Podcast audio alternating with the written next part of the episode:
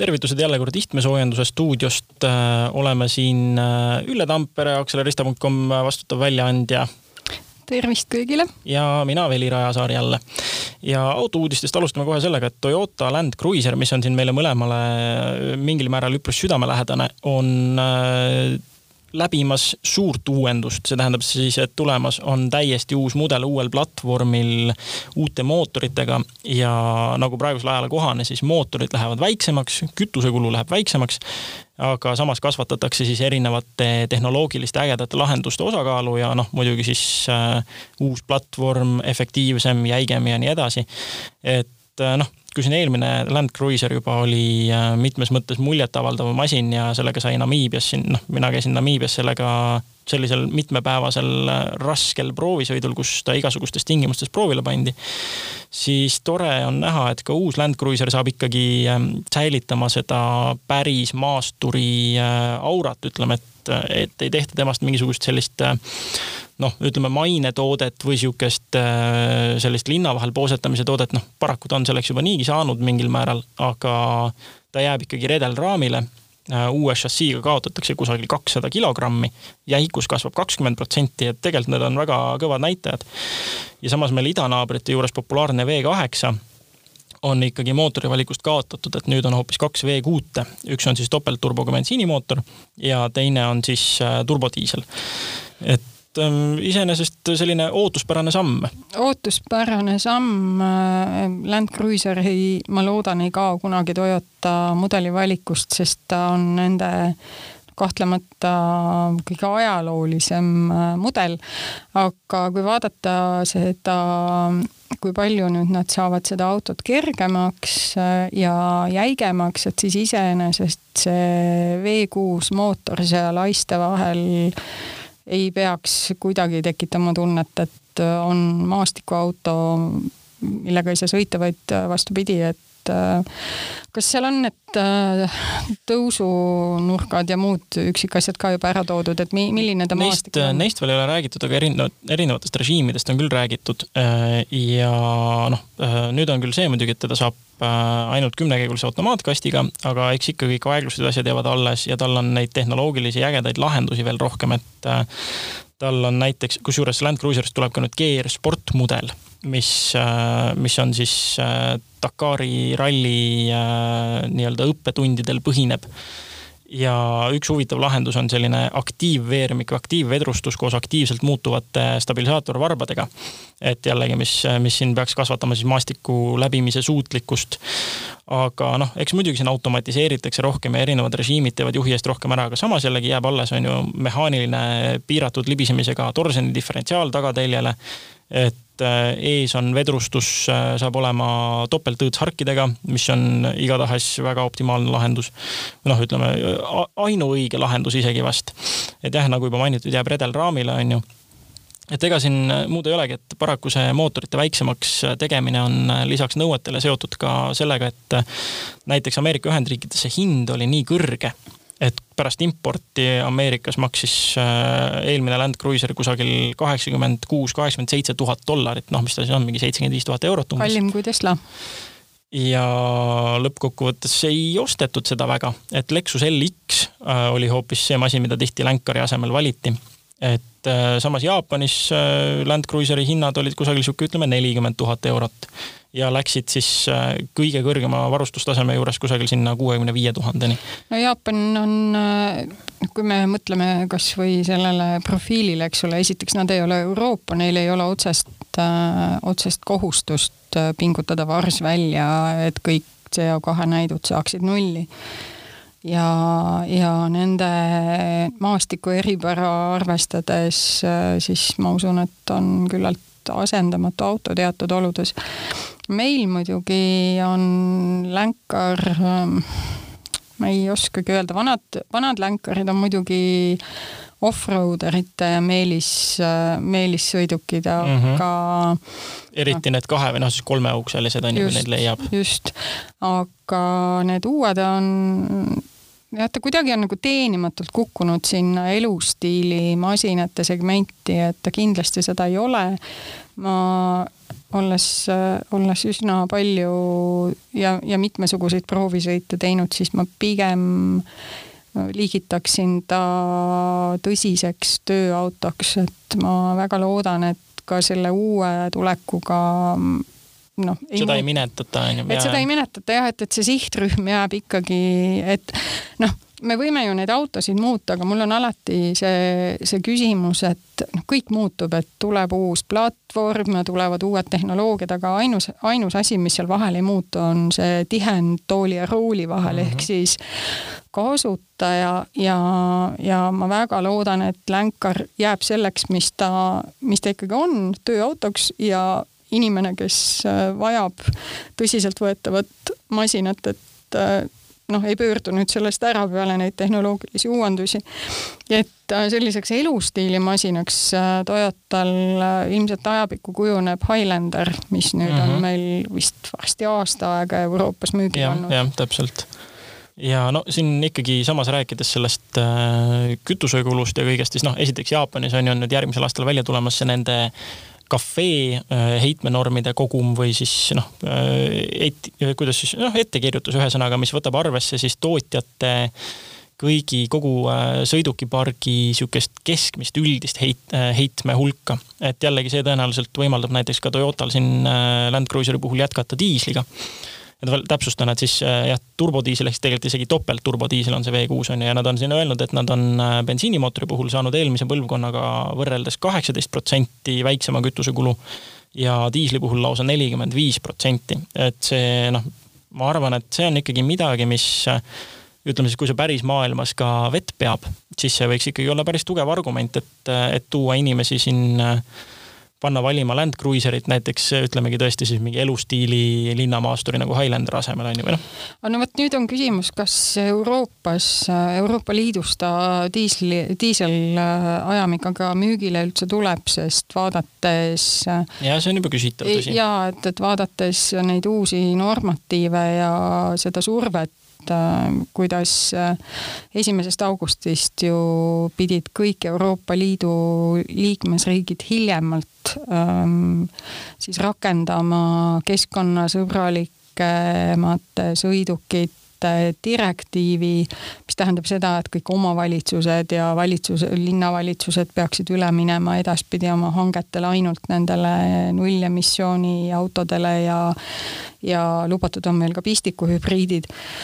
et noh, ikkagi me oleme täna selles olukorras, et uusi väga häid autosid kusagil tehakse, kas need meieni jõuavad, seda me ei tea, et et ähm, noh, seesama küsimus oli mul, kui te Ukuga rääkisite uuest STI-st, et kas me kunagi seda autot näeme? ei no Euroopasse seda ei tule, see on, see on kindel laks, sama on paraku ka näiteks Nissan nelisada Z-iga on ju ja suure tõenäosusega saab sama olema ka uue Nissan GT-R-iga. et noh, näiteks jällegi põgusalt äh, täna ka just vaatasin, et äh, et on tulemas ja jälle ikkagi just täpselt sellesama Cafe Acti tõttu siis äh, saab selle masina ikkagi teha täiesti puhtalt ainult sisepõlemismootoriga, mitte siis hübriidi või elektri, no ühesõnaga särtsuvabalt. et see võimalus neil on, aga ma kahtlustan jah, et suure tõenäosusega see ei pruugigi paraku enam meile siia jõuda, et see, see tundub olevat nii, et põnevad asjad lähevad siin eurooplastest üha enam mööda samas noh, mis need tulevikulahendused siin olla saavad lõppkokkuvõttes on ju, meie oleme siin rääkinud vesiniku positiivsetest külgedest, Toyota on vesinikuga siin äh, tiiba ripsutanud korralikult ja üks huvitav firma on seda teinud veel, aga natuke teisel viisil, et äh, Ameerika Ühendriikides äh, selline firma nagu Nikola mis siis võttis ette ja juba kaks tuhat kuusteist oli väga avalikus huvis sellega, et ja noh, siin tõmbasid tähelepanu vesinikuveoki ehitusega. Ja olid kõik juba toote avalikustamine ja mingisugused demosõidud ja asjad ja ägedad videod sellest tehtud ja firma tegevjuht siis sel ajal, Trevor Milton, rääkis, kuidas tegu on juba täiesti töötava ägeda lahendusega ja ei ole nagu teiste firm-, noh, väga-väga iroonilisel kombel seal siis seletas, kuidas korduvalt erinevatele ajakirjanikele, kuidas tegu ei ole, nagu teistel firmadel tihti on nii-öelda testmuula või mingisuguse sihukese autokujulise asjaga, et rahastust taha saada, nagu nüüd on tuvastatud. Täpselt sellise asjaga tegu oligi, et äh, nende suurepärane vesinikuveok Nikola One oma esimeses demovideos siis ähm, veeretati põhimõtteliselt mäest alla. ja mitte lihtsalt, vaid et tal oli vist ka eraldi selleks, et ta üldse liikuma saaks, oli vist. tal oli tulede põlemiseks ja erinevate ja, asjade toimimiseks. oli ta pistikus põhimõtteliselt jah ja.. et seal üks asi oli see mäest alla liikumine, et noh, samas võib öelda, et äh, nad tegid äh, väga. ta liigub siiski jah, et väga-väga sihuke, ütleme, Newtonlik lahendus selle koha pealt, et kasutasid täiesti tasuta energiaallikat nimega gravitatsioon, et see asi liikuma saada.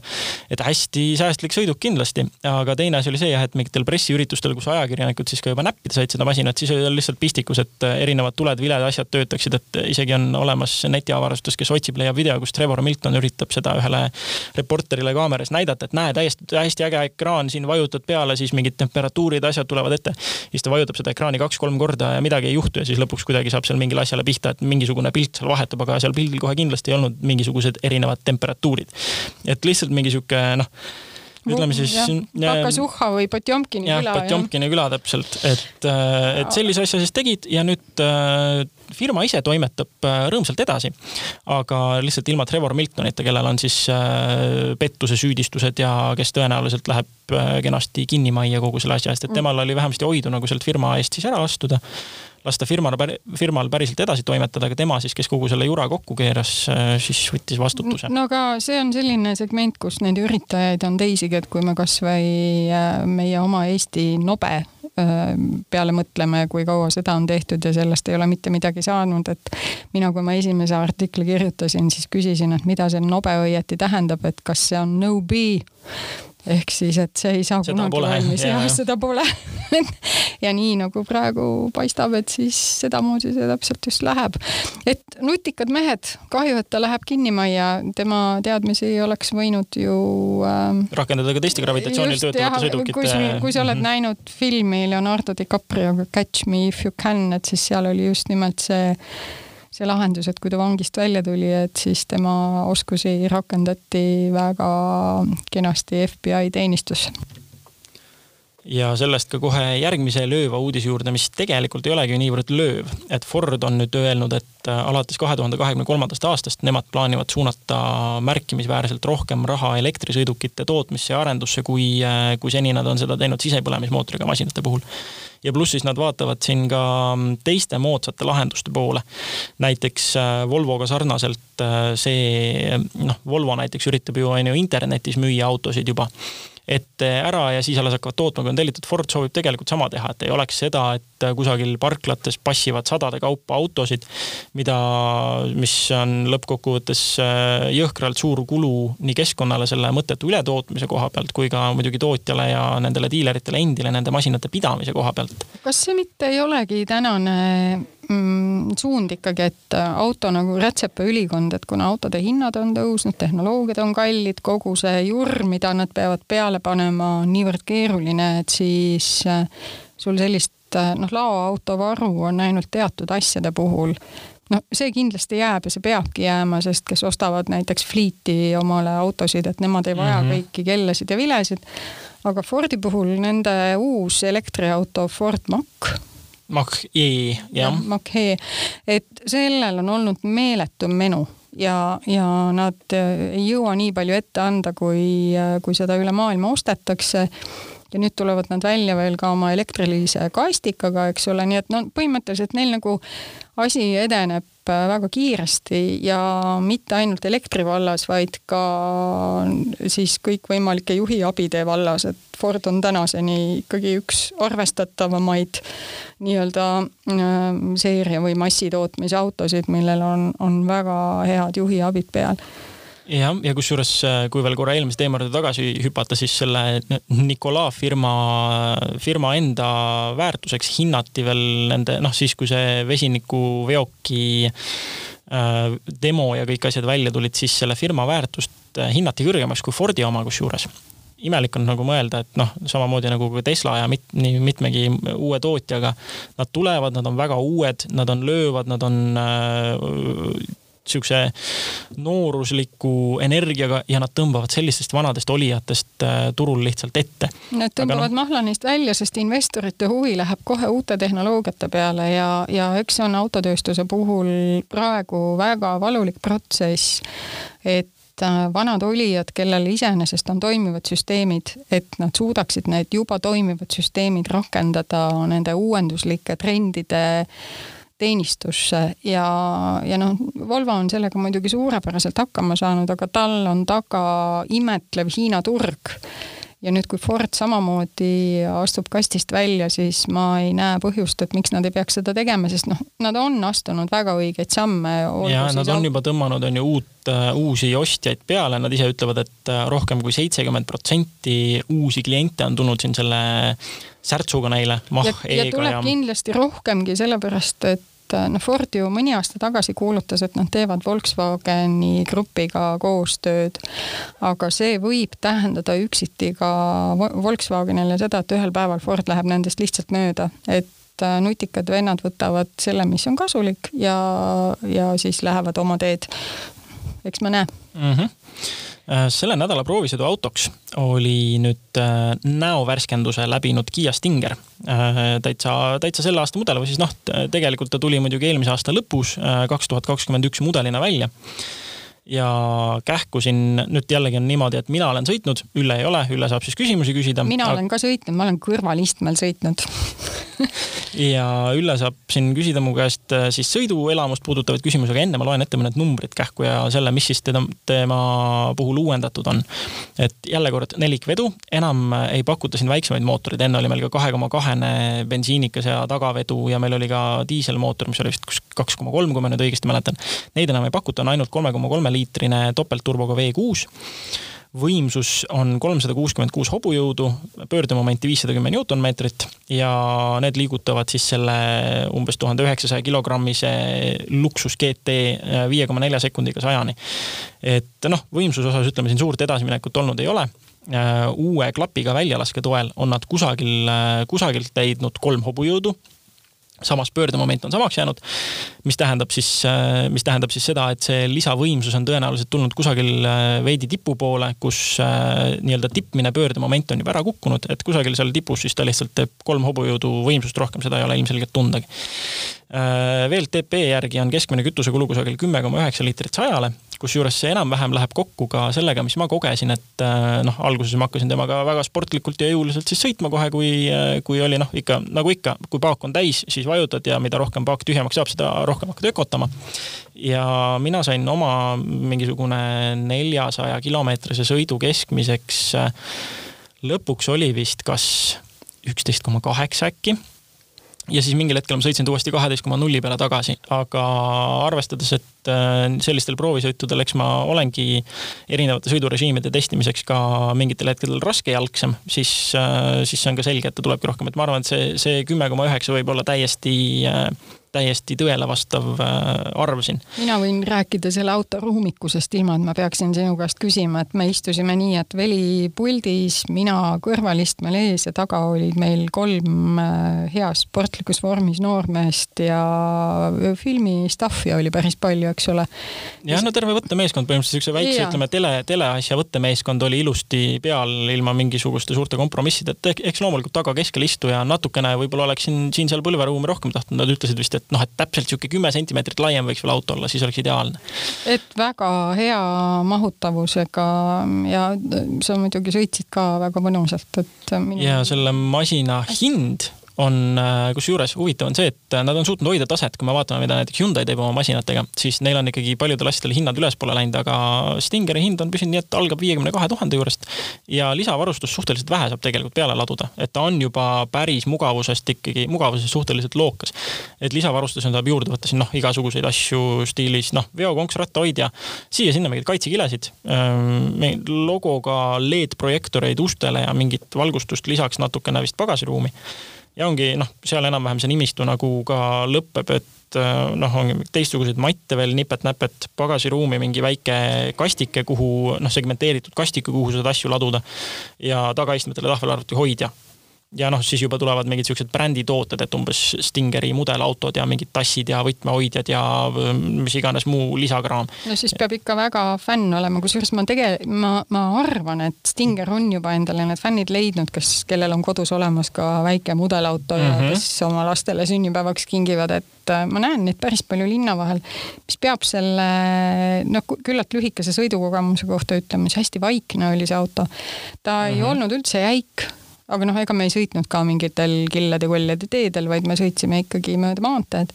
noh, nagu GT ikka on ju. ja just, et, et ülimalt äh, ülimalt mõnus ja, ja kõik oli hästi nagu käepärane, aga mismoodi see infolust äh, sul oli ja, ja ekraanid neid ma väga palju kusjuures näppima ei pidanudki, aga see on hästi sarnane siin Kiia ja Hyundai loogikale, et kui sa oled äh, uuemates Kiiades, Hyundai'des olnud, siis, siis loogika on enam-vähem sarnane. Äh, kiirelt reageerib, see on ikkagi selle kõrgema klassi auto puhul või noh, ütleme siis mudeli valikus on ju ikkagi Stinger seal tipus.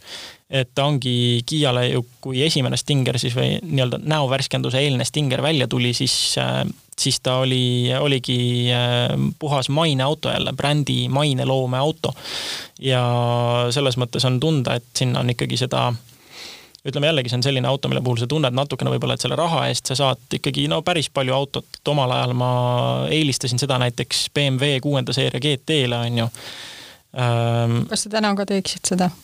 ma peaksin nüüd kõige uuemat seda GT-d siis sõitma, aga ma arvan, ma arvan, et Äh, see kokkuhoitud raha on seda väärt.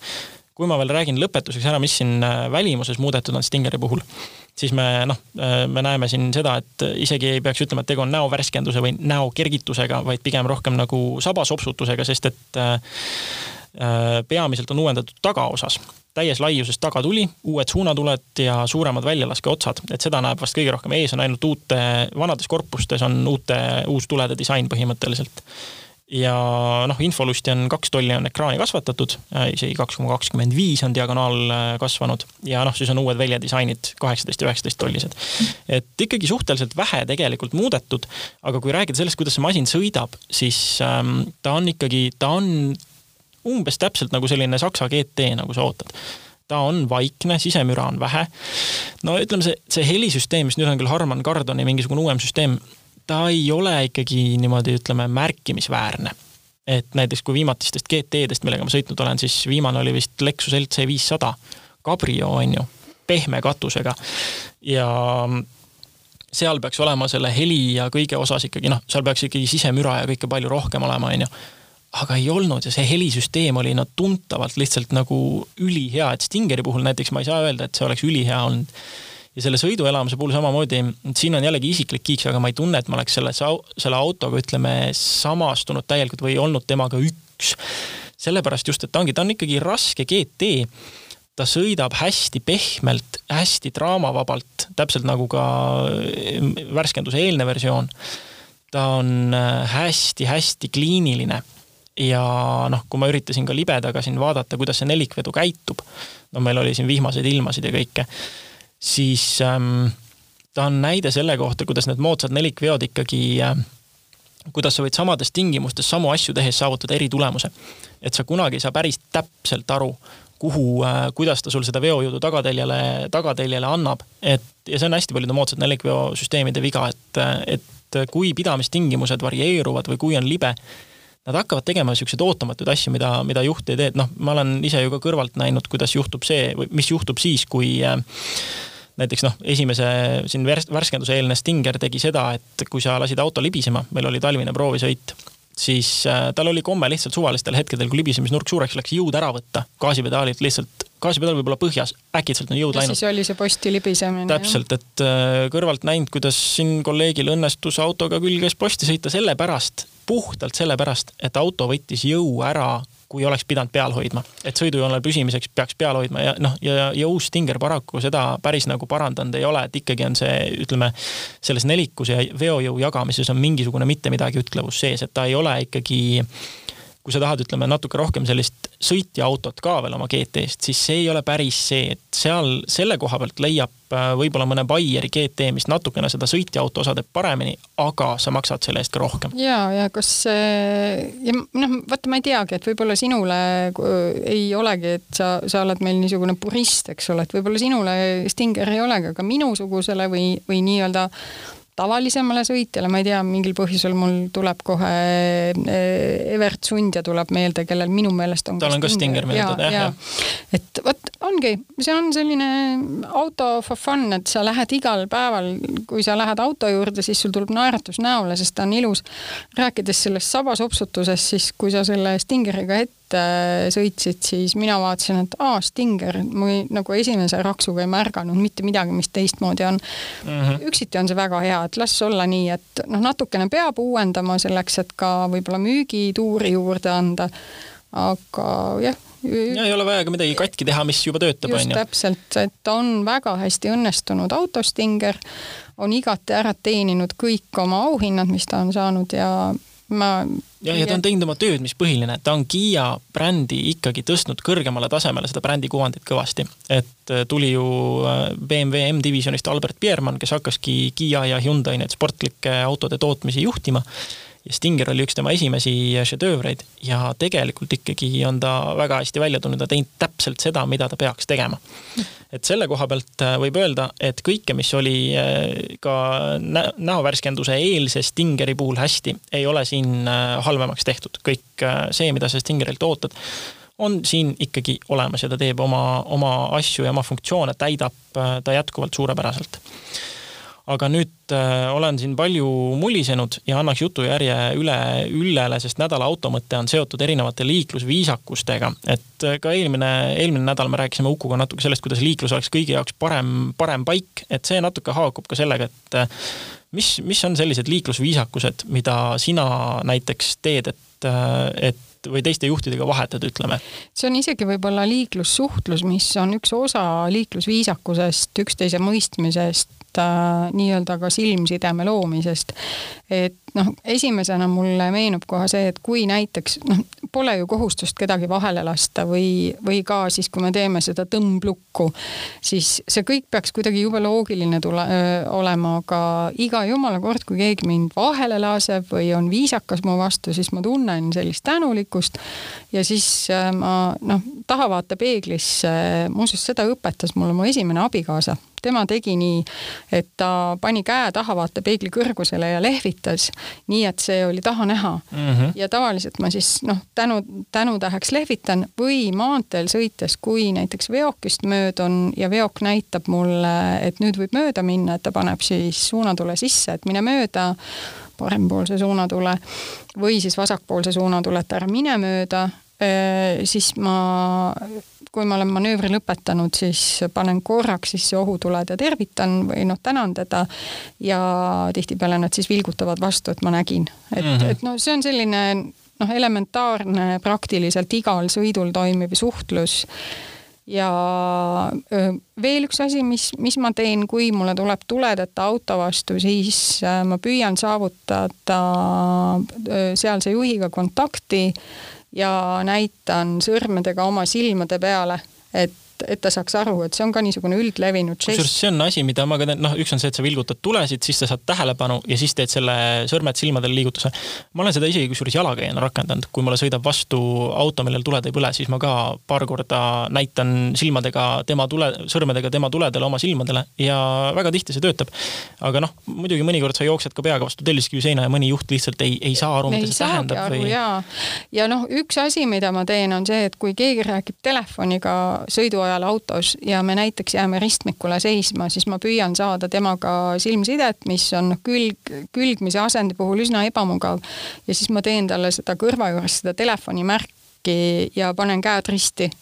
et ära räägi ära räägi autoroolis telefoniga mm. -hmm. ja no mõni saab aru, aga mõni muidugi näitab keskmist sõrme ka selle vastu ja, ja mõni lihtsalt äh, ignob, et mm, -hmm. et mhm. see kuidagi noh, ma, ma ei tea ja ma olen, ma olen tegelikult üsna impulsiivne, et kui ikka mul mõni seal jalus tuigerdab ja ma juhtun talle ristmikul kõrvale sõitma ja ma näen, et tsükkel on piisavalt pikk, et ja on ohutu, siis ma olen ka noh, lasknud klaasi alla ja, ja akna alla ja küsinud, et, et kas sa tahad, et ma tulen ja näitan sulle, kuidas telefoni paarida ja, ja, ja, et äh, palun ära räägi, et noh, vot sellised asjad on, et see nüüd ei ole otseselt liiklusviisakus, see on, see on no, see. suhtlus täpselt. ja noh, see suhtlus jah, et ma nagu püüan, ma püüan võib-olla siis teda nati kasvatada aga noh, on veel, äh, on näiteks see, mida ma nüüd, äh, kui me sõitsime Olustverre äh, nädalavahetusel, üks liigutus, mida ma teen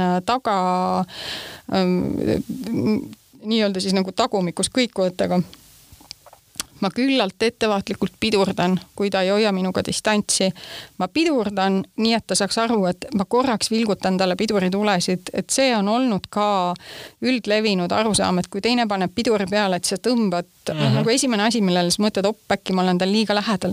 tänapäevased autod muidugi näitavad seda ka, et teine auto on sul lähedal, aga no paljud ei kasuta neid süsteeme ja, ja, ja vot siis ma seda olen ka teinud. kusjuures mul on selle vastu üks äh, väga hea lahendus, äh, millega kindlasti samastuvad äh, nii mõnedki hobi- ja sportautode omanikud, et kuna mul nii Subaru kui MR2 lärtsuvad ja pauguvad, siis alati on tore näha, kuidas, kui keegi tuleb sappa elama, siis teedki korra seda, et lased pöörde korra kõrgemaks, võtad jala gaasilt ära ja siis äh, kuulad, kuidas plopp-plopp ja paugud ja siis vaatad, kuidas tagumine auto kohe võtab väga pika distantsi sisse, et mul oli ähm, siin paar päeva tagasi oli ka MR2-ga õhtul käisin korra poes, tulin tagasi ja siis äh, mingisugune madal bemm võttis mulle hästi-hästi ebamugavalt sappa.